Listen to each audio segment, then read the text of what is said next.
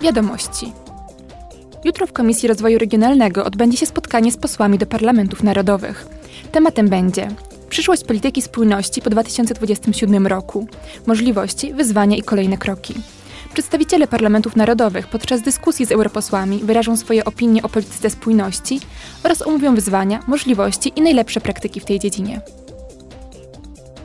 Również jutro europosłowie z Komisji Zatrudnienia i Spraw Socjalnych będą głosować nad projektem sprawozdania w sprawie ograniczenia nierówności i wspierania włączenia społecznego. Będą też dyskutować o Europejskiej Karcie Osoby z Niepełnosprawnością i Europejskiej Karcie Parkingowej Osoby z Niepełnosprawnością. Ponadto w porządku obrad zmiana zakresu kompetencji Europejskiego Urzędu do Spraw Pracy. Jest to agencja Unii Europejskiej, która dba o to, by unijne przepisy o mobilności pracowników i koordynacji zabezpieczenia społecznego egzekwowano w sposób sprawiedliwy i skuteczny. Jutro w Komisji Prawnej głosowanie nad sprawozdaniem w sprawie Europejskiego Poświadczenia Pochodzenia Dziecka.